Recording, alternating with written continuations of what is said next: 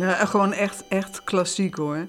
Echt klassiek, een beetje dik, oud, heel vrolijk. Uiteraard grote rode mantel en zo'n weet je wel, witte jurk eronder. Echt helemaal klassiek.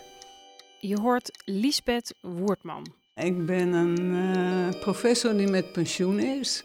Ik ben uh, eh, 67, ja, ben ik mijn leeftijd. Ik ben een grootmoeder, ik ben een moeder. Ik ben een warhoofd, ik ben uh, onhandig. Ik vind het altijd echt heel lastig van, stel je even voor. Ze heeft het over een van haar grootste rolmodellen. Iemand die je dan zo met van die pretoogjes zo heel lief aankijkt. En als je ouders niet kijken, je dan een goede knipoog geven van... komt wel voor elkaar, het komt goed. Sinterklaas. Grappig, hè?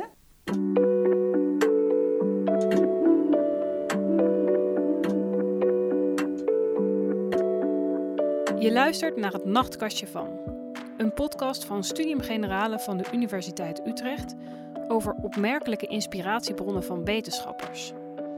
Verhalen over objecten, ideeën of personen die je altijd bijdraagt en zomaar op je nachtkastje zouden kunnen liggen. Ik ben Tessa de Vries en deze week spreek ik met Liesbert Woertman, emeritus hoogleraar psychologie aan de Universiteit Utrecht.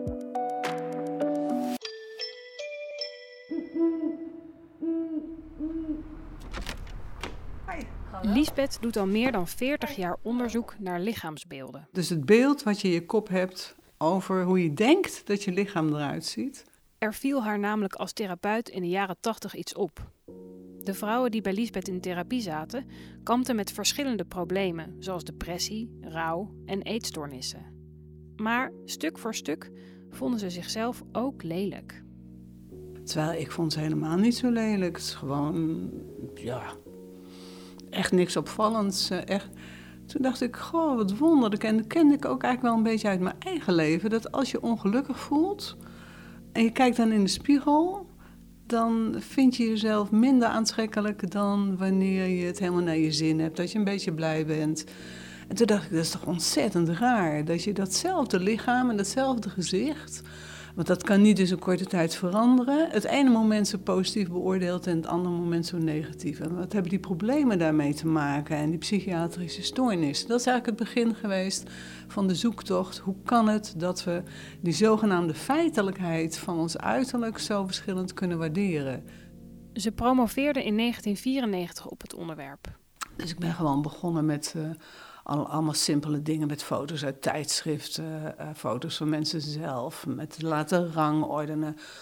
En er was ook helemaal, eigenlijk ontzettend weinig literatuur over. En ja, ik ben er gewoon helemaal in verstrikt geraakt. En nu is het dan 2000, wat is het? 21. Moet je nagaan. Um, en ik doe nog steeds onderzoek uh, naar. En dat, dat professor zijn, is dat iets waar je vroeger al van droomde? Nee, nee, nee, nee, nee. Absoluut niet, want ik wist niet eens dat het bestond.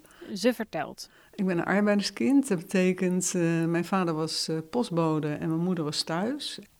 We hadden geen televisie. We gingen nooit op vakantie.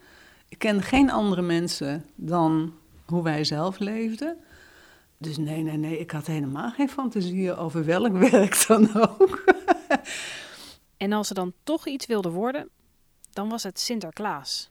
Iemand die altijd het beste deed, altijd anderen voor liet gaan, alles weggaf, zielige kinderen hielp. Iemand die je dan zo met van die pretoogjes zo heel lief aankijkt. En als je ouders niet kijken, je dan een goede knipoog geven van komt wel voor elkaar. Het komt goed. Dat is het, ja. Ze wilde het goede doen, net als de goedheiligman. Las boeken, leerde dat de wereld groter was en vraag me niet waarom, maar ik kreeg ineens de idee dat ik dacht, misschien moet ik toch maar naar de MAVO. Want ik had helemaal niks, hè? Ik had nul, nul opleiding. En daar bleef het niet bij. Ze deed de avond-HAVO. De HAVO vond ik niet eens veel moeilijker.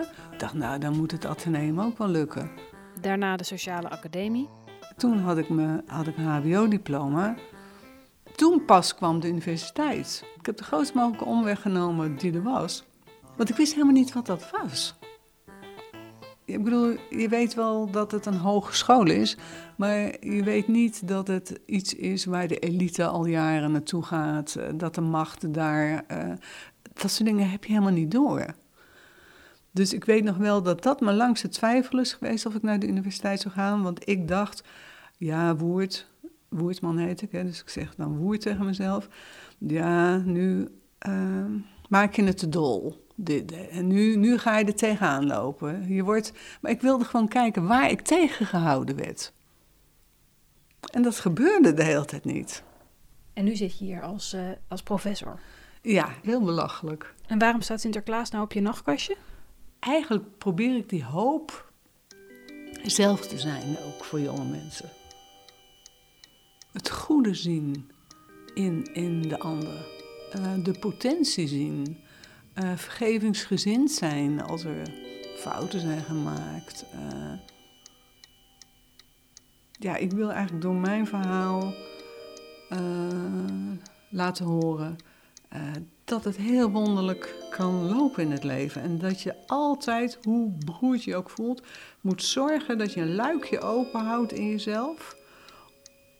Zodat het, dat er toch binnen kan komen dat je ineens een echt een aardig iemand tegen kan komen. Of dat je iets kan zien opnieuw wat je daarvoor niet zag, waardoor je weer je eigen leven ietsje makkelijker kan maken.